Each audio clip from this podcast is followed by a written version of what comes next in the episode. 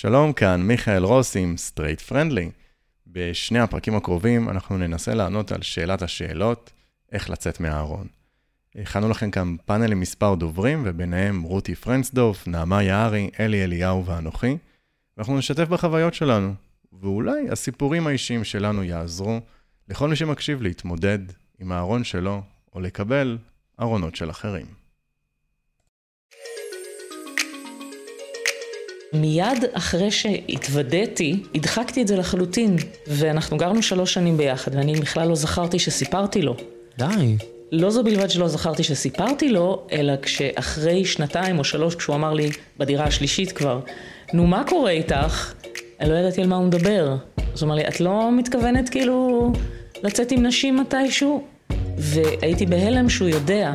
זאת אומרת, מה שאני מבינה מזה היום זה שבאותו לילה בים, כבר ידעתי, אבל עוד לא הייתי מוכנה אה, לצאת עם זה החוצה.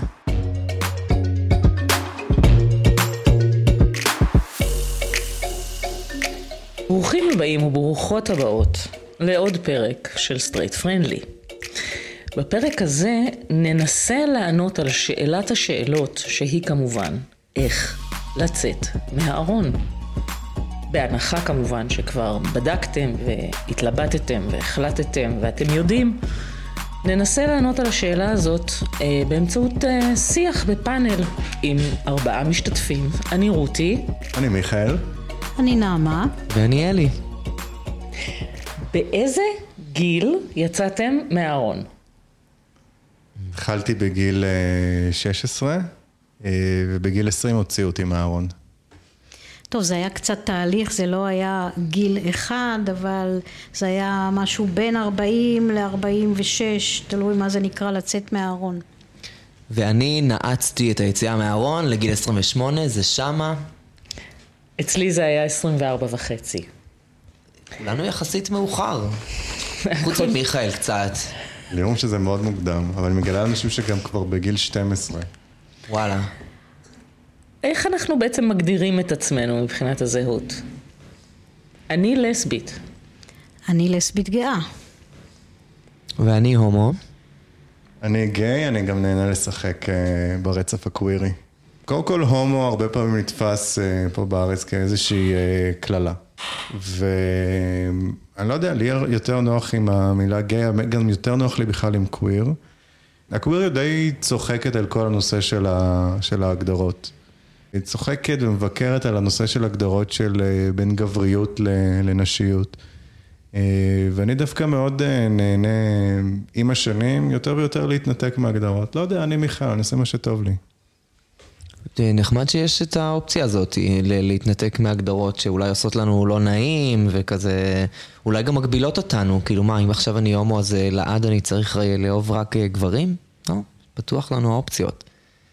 מחצית מחיי הייתי סטרטית, והיום אני מגדירה את עצמי לסבית, והשייכות שלי היא בקהילה הגאה. אני חושבת שחשוב להגיד גם שהמושגים האלה של קוויר מול סטרייט, הם מושגים שנוצרו כמובן בהשפעת השפה האנגלית, אבל המילה סטרייט או ישר היא בעצם, המשמעות שלה היא נורמלי. ולעומת הנורמלי שהוא הסטרייט הישר, הקוויר הוא המוזר, קוויר זה בעצם strange, זאת המשמעות של המילה. strange, מוזר, יוצא דופן. חריג. חריג, בדיוק. ובאמת המילה קוויר הרבה יותר נפוצה בחו"ל מאשר בארץ. אולי אפילו רק עכשיו זה, זה תופס תאוצה. הייתה עכשיו, היה פסטיבל היסטוריה גאה קווירית, ומאוד מאוד הדגישו שם את הקוויריות. אני רוצה לשאול אתכם אם היו לדעתכם סימנים מקדימים בילדות או בנערות שחזו את איפה שאתם היום ואת היציאה שלכם מהארון עם הזהות המינית מגדרית הזאת? אני יכול להתחיל. אני אמנם יצאתי מהארון בגיל 28, אבל אני חושב שמשהו בי הבין שאני שונה ואני אולי קצת נשי והומו וקוקסינל וכל מיני מילים שהיו סביבי, כבר כזה בגיל הגן.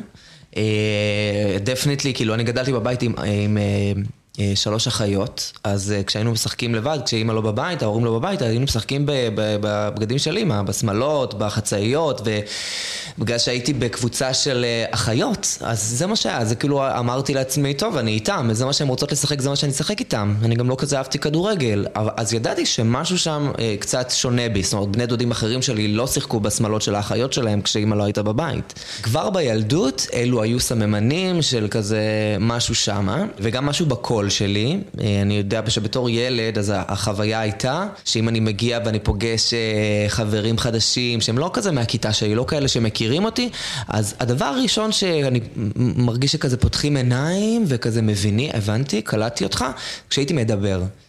זה לא משהו שאני יכול אה, להסתיר. אז אני חושב שאחד הסממנים הוא זה שזיהיתי שיש תגובות אחרות אליי, ספציפית, וכאילו תופסים אותי על חם כל פעם על העניין הזה של הקול. עבדתי על זה, לשנות את זה. כאילו, דיברתי אחרת, אה, אה, שוב, יצאתי מגיל, בגיל 28 מהארון, אז אני בערך מגיל 13 אה, עד אחרי הצבא, ממש אני חושב שהגעתי לאיזשהו שלב שעברתי חלק לאנשים, כאילו, זה, אוקיי, הוא כבר נשמע כמו גבר מנומס, פחות כמו איזה אישה. כשאני מסתכל על הדברים לאחור, אני ממש זוכר שבתכלס כבר בגיל 4 ידעתי, הבנתי על עצמי, לא מבינים בגיל הזה מה זה מיניות או מישהו מדבר איתנו על זה. אבל uh, כבר הבאתי בוסה פה ושם וכאלה, כן, כן, כבר בגן. ואני חושב שמה שעצר לי את ההתפתחות, נגיד ככה, זה המון התגובות של הסביבה. זאת אומרת, זה מיד כאילו זה כמשהו שהוא, שהוא אסור. אני ממש זוכר את המעבר נגיד אה, מגן הילדים לבית ספר היסודי, שפתאום היה מאוד ברור שהבנים כבר לא ביחד עם הבנות בהפסקות, ובגלל זה אני צריך ללכת ולשחק כדורגל איתם, ולא אהבתי כל כך כדורגל, וממש העדפתי לשחק עם הבנות. ואתם יודעים, אם לא עומדים בהגדרות האלה, אז זה מיד חרם מה, מהסביבה. מעניין אותי במה הבנות שיחקו. בקלאס. אה, זה כיף. כדורעף היה אצלנו של הבנות. אני, כפי שאמרתי קודם, אני רק בגיל 40 התאהבתי פעם ראשונה במישהי ובכלל זה התחיל אה, לבעור בי הנושא הזה, לפני זה חייתי עם גברים, נמשכתי לגברים, לא היה לי בכלל רעיון כזה אני אמנם אה, בקיבוץ בגיל מוקדם אני טיפסתי על עצים ונפלתי מעצים אבל לא היה נראה לי שזה משהו ששייך לתחושה שלי של בנים בנות. את בעצם אה, עונה כבר לשאלה הבאה שלי שהיא סביב ה... האם היה לכם ניסיון גם עם בני המין השני שהרי כל הרעיון בלהיות גיי או לסבית זה שאנחנו בוחרים אה, מישהו מהמין שלנו. אני אענה על זה כי זה משהו מעניין שרק אה, בזמן האחרון זה הרבה יותר עולה לי לתודעה שבגיל עשרים ומשהו הייתי אה, אמנם בזוגיות עם גבר אבל עשינו שלישייה עם אישה. וזה בעצם היה פעם ראשונה שנגעתי באישה. וזה היה מאוד מעניין זה אפילו היה נעים אבל זה לא עשה אותי רוצה יותר להיות עם uh, נשים. מעניין, איך זה היה אצלך, אלי? מעניין, מפתיע. Uh, אני, לי הייתה התנסות uh, גם עם uh, נשים, האמת שהתחלתי את ה... בגיל 16 כשהתנסיתי, חוויתי מיניות בפעם הראשונה, זה היה עם מישהי בשכבת גילי. ובעצם אה, כשהתבגרתי וכזה מסוף י"ב עד גיל 26 אה, הייתי בזוגיות ארוכת טווח של אה, כמה שנים טובות אז בהחלט אני יכול להגיד שהייתה לי התנסות. אחרי זה אפילו, כשנפרדתי ממנה ידעתי שמשהו שם לא בסדר וכאילו אני צריך לברר את זה אבל עוד לא היה לי אומץ באמת ויצאתי עם מישהי לעוד שנה וחצי שנתיים ורק אז אמרתי די, אני כנראה הומו. אצלי זה כן היה... אה, יש עוד תהליך שבהתחלה הבנתי שאני לא, לא סטרייט וחשבתי שאני גם וגם, ואגב תגובות של הסביבה, אז הרבה פעמים אה, נאמרה עליי אה, בחטיבת ביניים והמילה הומו כקללה, כשבכלל לא ידעתי מה, מה המילה הזו אומרת, כאילו, הרבה פעמים הסביבה הבינה עליי משהו שאני עוד לא, והיא מאוד הבהירה שזה משהו שהוא, שהוא אסור, שהוא קללה, שהוא רע. לצערי זה מאוד מאוד השפיע עליי ובלא מעט מה שנקרא הומופוביה מופנמת. שבאה גם מהסביבות הכי קרובות, כולל אפילו מורים שהם נחמדים והכול, אבל כמו שלכל אחד יש איזושהי גזענות, אז יש גם כנראה איזושהי להט"בופוביה שיוצאת החוצה. בסוף הבנתי ש, שאני גיי, ואצלי האסימון נפל לא בגלל אה, חוויות אה, מיניות, ואני מודה שנגיד על יציאה מהארון זה מוזר לי כאילו, כי אני לא מרגיש שאני מדבר על אה, חיי המיטה שלי, שאני לא חושב שזה כל כך עניינם של אנשים. אני מרגיש שאצלי העניין של יציאה מהארון והבחירה בהגדרות כאלה ואחרות, זה המון על תפיסת העולם שלי, ועם מי אני רואה, איך אני רואה את ההורות שלי. איך אני רואה את המשפחה שאני אהיה בה, עם מי אני מכין ואוכל ארוחת ערב ביחד, או יוצא לטיול רומנטי אה, בחו"ל למשל. אצלי כאילו המון מהיציאה מהארון וההגדרות, זה, זה דווקא משהו שהוא יותר אורח החיים עצמו, היום-יום.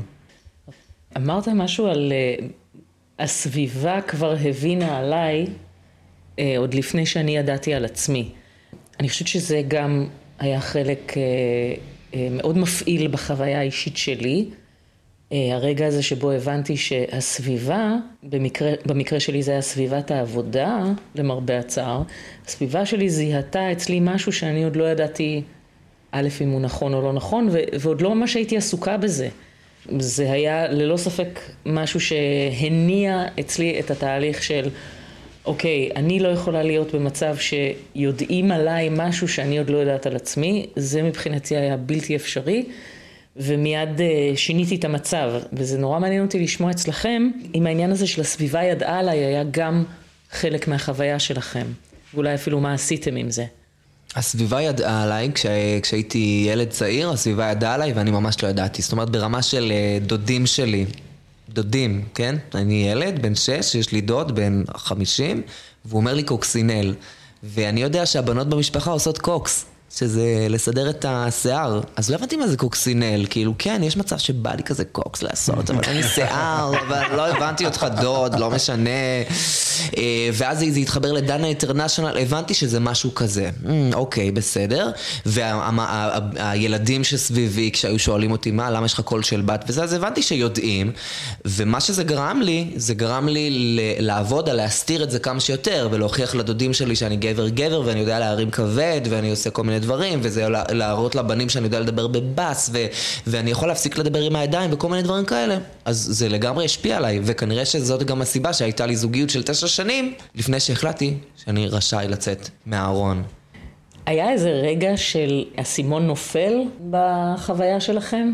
הכי חזק שאני יכול להגיד שהרגשתי אה, גיי ואמרתי די, כנראה שמשהו פה חזק מתמיד, זה שאני זוכר שבאחד הלילות חלמתי שאני קם ומספר לכולם שאני גיי ודי, כאילו בתוך החלום קיבלתי החלטה שאני גיי ואז אמרתי, דמי, חלמתי איך אני מספר לאימא ולכולם וזה, ואני זוכר שקמתי נוטף, מזיע, מבוהל שמשהו קרה ואני סיפרתי לכולם. זה, זאת, זה זה, זה הדבר. אני אולי אספר משהו שבאיזשהו שלב אני כבר ידעתי שאני רוצה קשר עם אישה, לנסות את זה אחרי שהתאהבתי במישהי וזה לא היה בדיוק אה, התנסות ראשונה אבל ידעתי שזה מה שאני רוצה אז נרשמתי לאתר היכרויות לנשים שנקרא שי דייט שם הכרתי מישהי מאזור חיפה, די מהר שכחתי את הסיסמה ולא ידעתי וכבר לא כך רציתי להיכנס לאתר הזה, אבל היינו חברות בפייסבוק. וכל פעם היא אמרה לי יאללה בואי ניפגש. ואני אמרתי לה לא היום אני לא יכולה כי יש לנו חג הקיבוץ. ואז אחרי איזה שבועיים היא אומרת לי בואי יאללה בואי ניפגש. ואני אומרת לה לא, אני לא, לא יכולה, אימא שלי שברה את האגן. ואחרי זה היא אומרת לי עוד איזה חודשיים, שלושה אחרי זה, יאללה בואי כבר ניפגש. אני אומרת לה, אני לא יכולה, כי הבן שלי ככה וככה. זאת אומרת, לקח עוד כמה שנים עד שפגשתי אותה, והיא באמת הייתה הראשונה שפגשתי אותה כדייט. וואו, סיפור. תגידו, למי היה לכם הכי חשוב לספר? האדם הראשון שסיפרתי לו על עצמי בגיל 16, אה, בזמנו עוד חשבתי שאני אה, ביסקסואל, והאדם הראשון שסיפרתי לו זו בת הזוג הראשונה שהייתה לי. איך שהכרנו, אמרתי לך, תדעי לך, זו החבילה. זו בכלל הגישה שלי. נפרדתם, לא? שם זה קרה. אחרי זה נפרדנו, כן, אבל, אבל לא בגלל זה. היא האדם הראשון שסיפרתי לו, היה לי חשוב להיות מאוד כנה בעניין, זה ככה גם הצד שלי. ו- ומה שאולי סגר את זה, ומתי אני הבנתי שאני גיי uh, סופי, זה קרה די ספונטנית כשהלכתי בתל אביב אה, מחוץ למרכז הגאה. נהריאני שבא לבקר רגע לפני הגיוס לצבא, הגיע לתל אביב וראיתי זוג גברים הולכים יד ביד עם הילד שלהם. פתאום הבנתי, אוקיי, כאילו הפן המשפחתי היה לי יותר חשוב מהפן ה... אמ, זה קצת אה, tricky כי אני בעצם דיברתי על זה עם חברות אבל את שאלת לי מי היה חשוב וכמובן היה הכי חשוב לי לספר לבנים שלי. ואני זוכרת שהבן הגדול שלי ברק היה בטיול בחו"ל אחרי הצבא.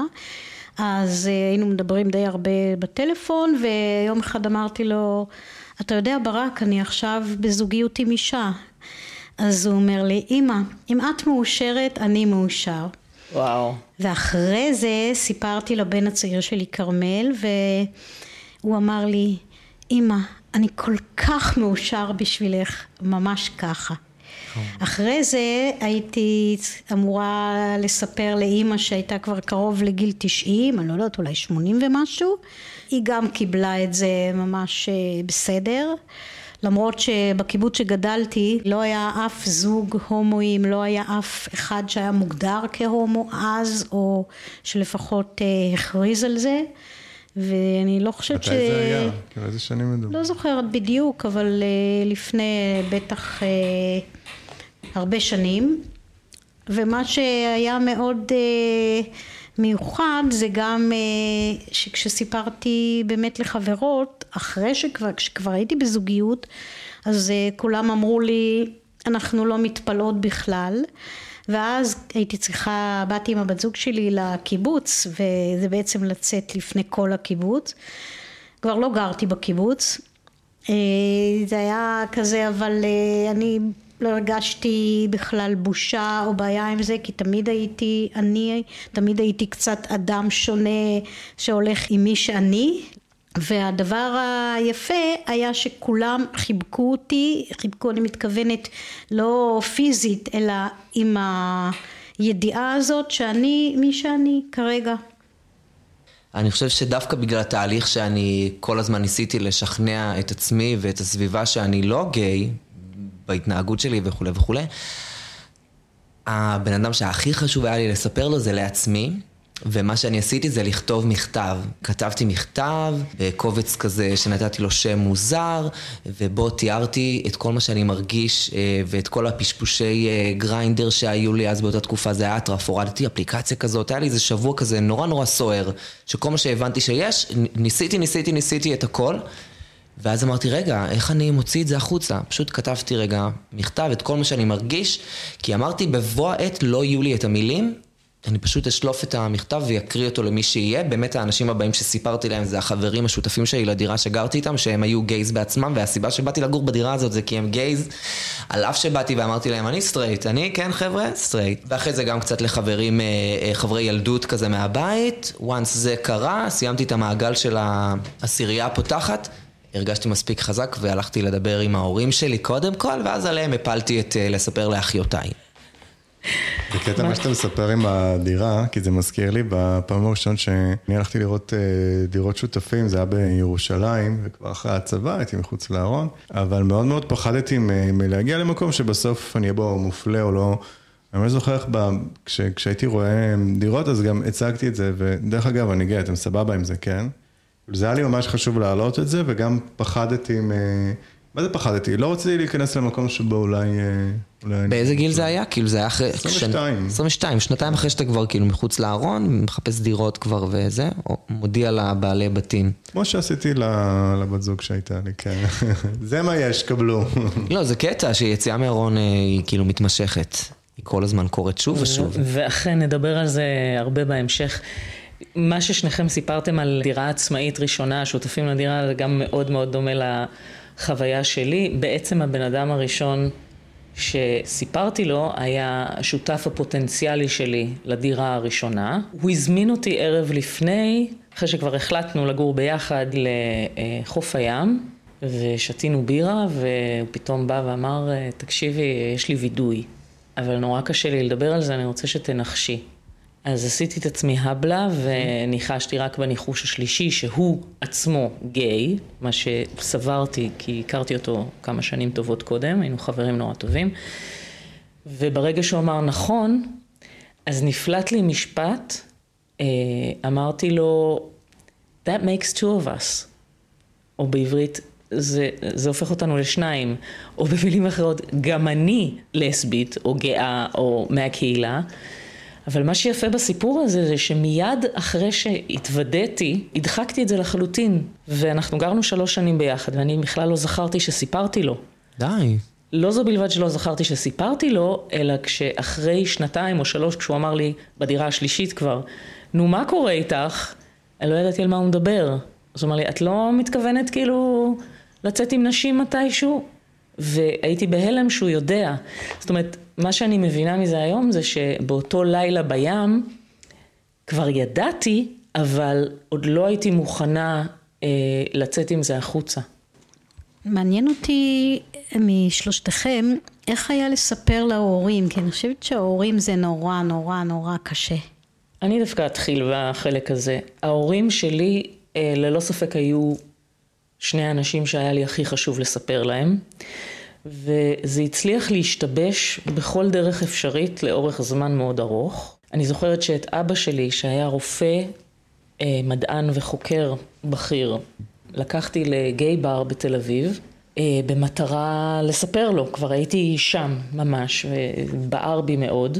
תכננתי איזושהי נסיעה שבזמנו הייתה מכוונת על אה, אמסטרדם, כי ידעתי שיש אה, קהילה גאה מאוד מאוד אקטיבית באמסטרדם ומאוד התאים לי פשוט לגור שם, התכוונתי לנסוע לגור באמסטרדם. והתחלנו איזושהי שיחה שכיוונתי אותה ל... הנה אני הולכת לצאת מהארון בפני אבא שלי בבר הזה, אה, שהוא לא קלט גם אחר כך שזה היה בר של גייז, אז גם שם היה איזה שיבוש. טיפוסי. ואז אמרתי לו, אתה יודע, אני, אני רוצה לגור באמסטרדם. זה היה כאילו ההתחלה שלי של לצאת מהארון, והנה פה זה בדיוק השתבש, כי הוא, הייתה שתיקה, ואז הוא אמר, אני כולי בעד שתגורי איפה שאת רוצה לגור, אבל יש לי בעיה ספציפית עם, עם אמסטרדם. אז אמרתי לו, וואלה, אוקיי, מה, מה הבעיה? אז הוא אמר לי, באמסטרדם יש קהילה אה, גאה מאוד מאוד חזקה, ואני מאוד חושש כאילו מאיידס. עכשיו, הוא היה חוקר איידס בין השאר. אבא. אז מצאתי את עצמי בסיטואציה שלא יכולתי להגיד לו, אבל אבא, בגלל זה אני רוצה לנסוע לשם. וככה התמסמסה האפשרות הזאת. לפני שבאמת נסעתי, אה, לא, לא הספקתי לצאת מהארון, זאת אומרת, זה קרה הרבה אחר כך, אבל, אבל על זה בהמשך. אבל אחרי זה כן... אה, בהמשך. זה גם משהו, אפרופו יציאה מהארון, חשוב אה, שכל מי שמרגיש שזה הולך להגיע אליו הבשורה, תהיו קצת יותר אופן, תעשו לנו את זה קל. כאילו, כשאתם מרגישים שאנחנו ניגשים, לקחנו אתכם לאיזה דייט, זה מכוון, תראו מסביבכם. תכניסו לנו גם קצת מילים לפה, זה בסדר. אני חושבת שהיה לי איזשהו מזל שכבר שילמתי את חובי לחברה, כבר הייתי נשואה לגבר, כבר היו לי שני ילדים בוגרים, כבר יכולתי לעשות מה שאני רוצה לפני המשפחה שלי, לפני החברים שלי, במקומות עבודה ישר אמרתי את זה ללקוחות. זה היה כל כך קל לי ברגע שסיפרתי לבנים שלי ולאימא שלי וכולם קיבלו את זה כל כך באהבה. שהייתי ברת מזל אני חושבת באיזשהו מקום. יש את הסיפורים החיוביים, ונגיד, אני אה, חושב שנגיד נעמה אצלך באמת, כמו שאמרת, שהיא במקום שהוא כבר הרבה יותר אה, מבוסס, ונתת את חוב, חוב, חובך, או חובתך לחברה, כפי שאמרת. אה, ואצלי הפחד תמיד היה בנעורים, וזה פחד שגם המון מהחברים שלי, זה זה היה בשיח של אה, מה אם ההורים לא יקבלו ומה אם יעיפו מהבית, כי כן היינו תלויים בהורים. אני סיפרתי לשני ההורים, אבל בהפרש של כמה שנים. זה לא נחשב לשני ההורים, מיכאל. אבל לא, בסופו של דבר כן, אבל- כן. סיפרתי לאימא, חיכינו כמה שנים, ואז סיפרתי נכון, לאבא. נכון, נכון. אני סיפרתי- שומעת הרבה על דבר כזה שסיפרו קודם לאימא. למרות שגם בזה יש לפעמים הפתעות שדווקא הפוך אה, מקבלים את זה. אימא שלי ממש לא הבינה מה זה, כאילו, היא, השאלה הראשונה הייתה אם אני, אם אני לובש בגדי נשים. אמרתי לה, לא, זה לא קשור, אני לא עושה דרג. עם אבא שלי זה היה יותר קשה, אני, ידעתי שבבית זה, מצד אבא שלי זה לא, לא התקבל. אה, ואצלי לא הייתה קבלה, אבא שלי ואני לא דיברנו שבע שנים על הדבר הזה, וגם כשהפכתי להומו מקצועי, לא, לא דיברתם? לא או דיברנו. לא דיברנו על זה? או לא דיברנו על זה? לא דיברנו. בכלל. בכלל, כמעט בכלל. זאת אומרת, הוא לא אמר אני לא מקבל אותך, אמרתי, "אני- אוקיי, אז גם אני לא מקבל אותך. כאילו, זה או, או לקבל אותי, או, כאילו, לא, לא מוכן ללכת סחור סחור. וממש אמרת לו, אם אתה לא מקבל אותי, אז אני לא מקבל אותך? כן, כן, ממש ככה. אמיץ. זה- באיזה גיל סיפרת לו? 6, 7, 26? אה, זה היה סביב ה-24 כזה, 5, משהו כזה.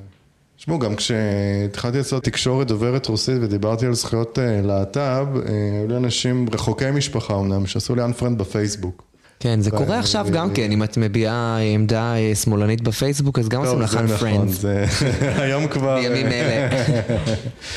אבל באמת צריך לקחת אה, בחשבון שבסוגיה הזו של, אה, נגיד, של איך לצאת מהארון, שלכל אחד יש איזושהי רגישות אה, אחרת, ו- ויש לא מעט אנשים ש, שוואלה, באמת הם יכולים להיפלט מהבית, או וואלה, הם יכולים, יכולים להרוג אותם. כן, ובהחלט צריך לקחת את זה בחשבון.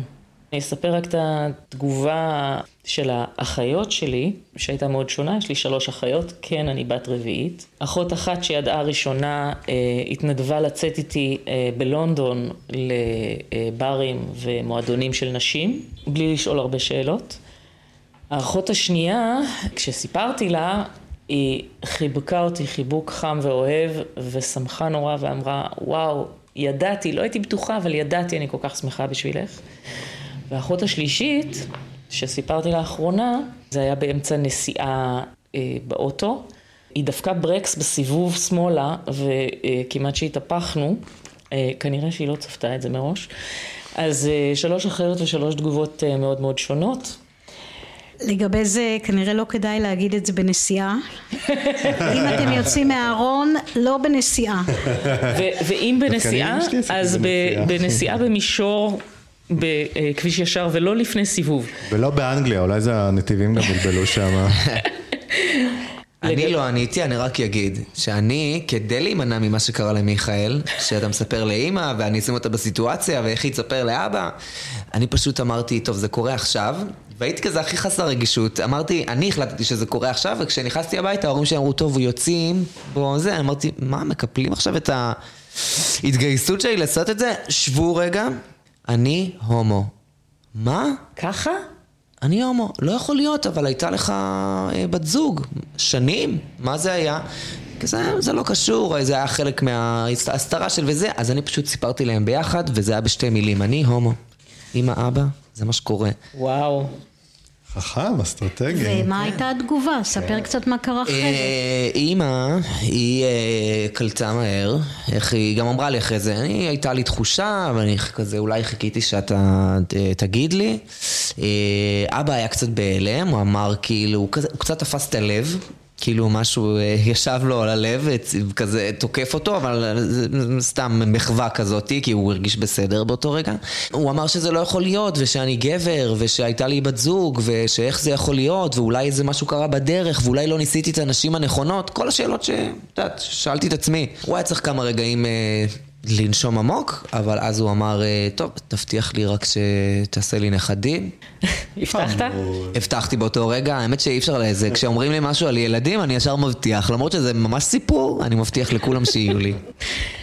מה, איך הייתם מגדירים את המעצורים או העיכובים שהיו לכם בדרך לספר?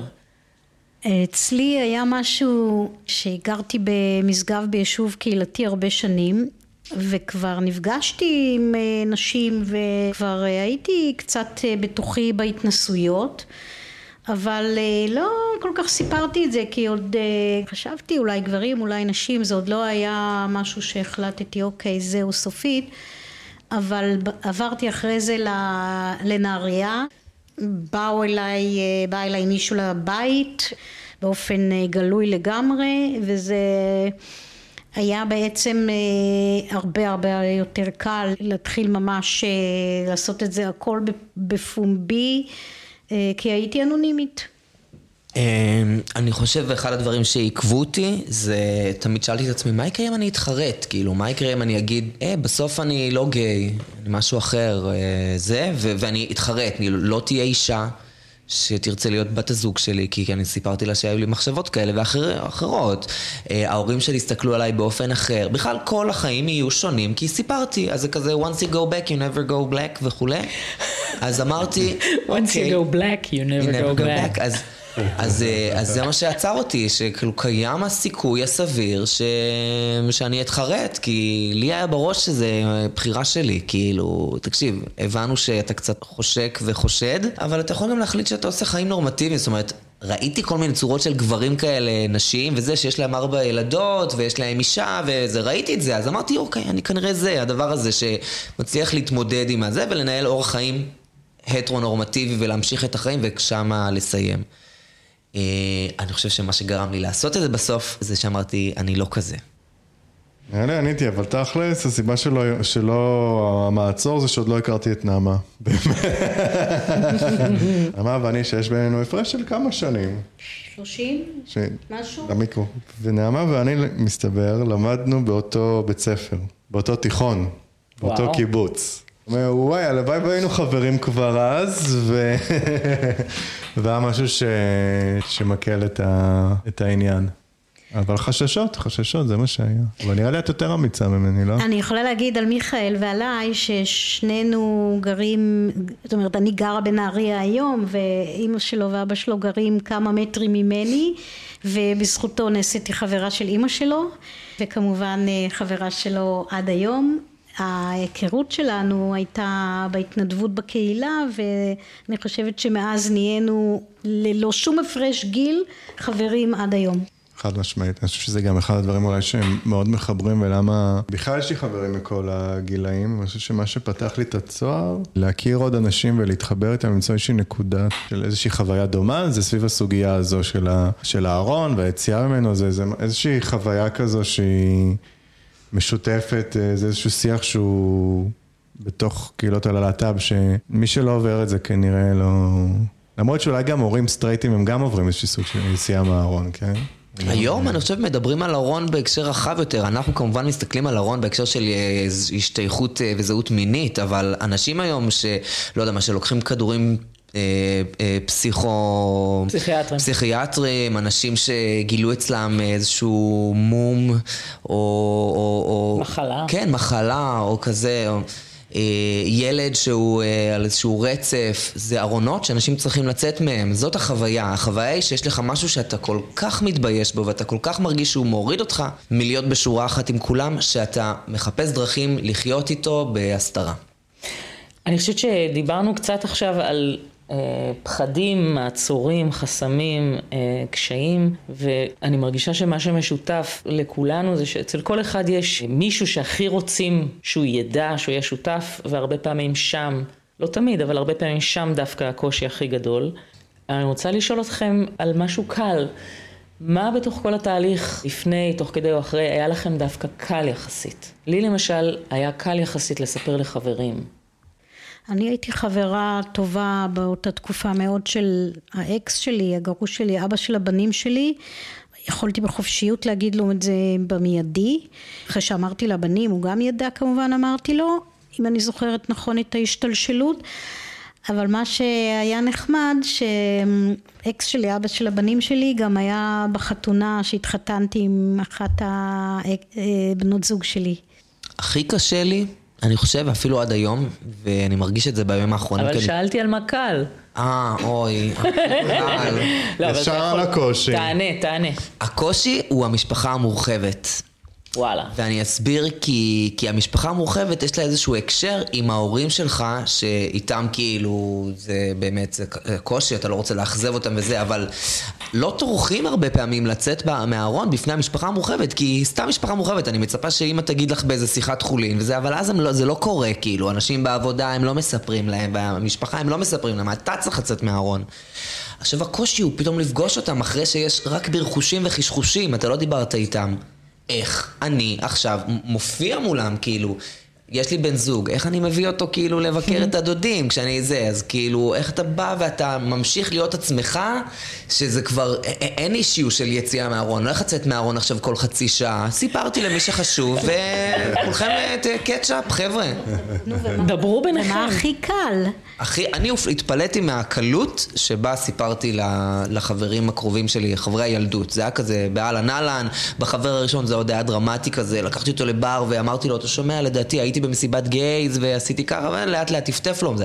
בחברים הבאים זה היה כבר, בואנה, הוא סיפר לי, ההוא, זה כבר היה צחוקים, זה כבר היה... גם אצלי, גם אצלי מה, מהחברים זה היה מאוד אה, משמעותי, בעיקר החבר'ה הסטרייטים, כאילו הראשונים ש, שסיפרתי להם, הם ממש התלוו אליי, היינו נוסעים ביחד למסיבות בתל אביב עם כל החבורה הסטרייטית, הם דווקא גילו שהמסיבות היו הרבה יותר מגניבות מהמסיבות בלול בקיבוץ, והם רק כבר ביקשו ממני ללכת למסיבות שכבר, אה, הפוך, להן זה היה דרך, אה, לפעמים מגיעות בנות סטרייטיות. הרבה בנות סטרייטיות במסיבות, אז כבר החברים הסטרייטים שלי כבר אה, ביקשו ממני ללכת למסיבות. אצלי גם דרך אגב היה מאוד קל לספר במקומות עבודה. אני באותה תקופה עבדתי במקום עבודה שהייתי נוסעת כמעט כל יום ללקוח אחר ובת הזוג שלי הייתה מתקשרת, כן יש תמונה. והייתי חופשי אומרת רגע הבת זוג שלי מתקשרת או משהו כזה תמיד זה היה מוחצן אצלי לא הייתה לי שום בעיה עם זה. אבל אז היה איזה מק... כמה מקרים שחברות שלי שהיו חלקית בארון או בארון אמרו לי למה, מה זה משנה לכל אחד עם מי את אה, במיטה? מה, את שואלת סטרייטים עם מי במיטה? כאילו, למה את צריכה להכריז על זה? מה זה אכפת עם מי את במיטה? כי זה ברור עם מי הם במיטה. לא, כי זה, כי זה מאוד משמעותי, זה, זה מה שאפיין אותי, זה היה ההשתייכות שלי, זה הייתה, היה מה שהרגשתי, זה היה הזוגיות שלי. זאת שאלה לא נכונה להגיד מה, האם אכפת למישהו עם מי את במיטה. זאת לא השאלה, אנחנו לא מדברים פה רק על מיטה, אלא על השתייכות. אני ממש מסכים עם מה שאת אמרת עכשיו. אז דיברנו על uh, הגיל שבו יצאנו מהארון, וגילינו שטווח הגילאים פה היה מאוד מאוד uh, רחב, וזה יכול בעצם לקרות בכל שלב בחיים. אצל חלקנו היו סימנים מקדימים, בילדות או בנערות. לחלקנו או לרובנו כן היה ניסיון עם המין השני. יותר טוב, פחות טוב, אבל היה. דיברנו על הרגשות לפני, על הפחדים, על החוויה שהסביבה מזהה אצלנו משהו הרבה פעמים עוד לפני שאנחנו מזהים אותו בעצמנו. אה, שיתפנו במי, למי היה לנו הכי חשוב לספר ובחוויה של ה... להגיד את המילים המפורשות. אה, לא כולם היו כל כך מפורשים כמוך, אלי. אמא, אבא, אני הומו. אה, נפלו אסימונים, היו מעצורים ועיכובים, אבל בסופו של דבר הגענו לשם. ודיברנו גם על תגובות חיוביות ושליליות. אז אם נסגור פה את הסבב, אנחנו רק נגיד שבפרק הבא תוכלו לשמוע עוד על התקופה שאחרי, מה קורה אחרי שיוצאים מהארון, איך זה uh, מעצב ומשפיע הזהות החדשה שאנחנו מגדירים לעצמנו או מאמצים לעצמנו בכובע החדש, איך, איך אנחנו יוצאים לעולם, על כל זאת ועוד uh, בפרק הבא. תודה רבה לכולם. תודה, תודה והאזנה נעימה. תודה לאלי, תודה לנעמה ולמיכאל. תודה לרותי. תודה לרותי. תודה לך, רותי. סעו בזהירות. סעו בזהירות. בזהירותי. ha ha ha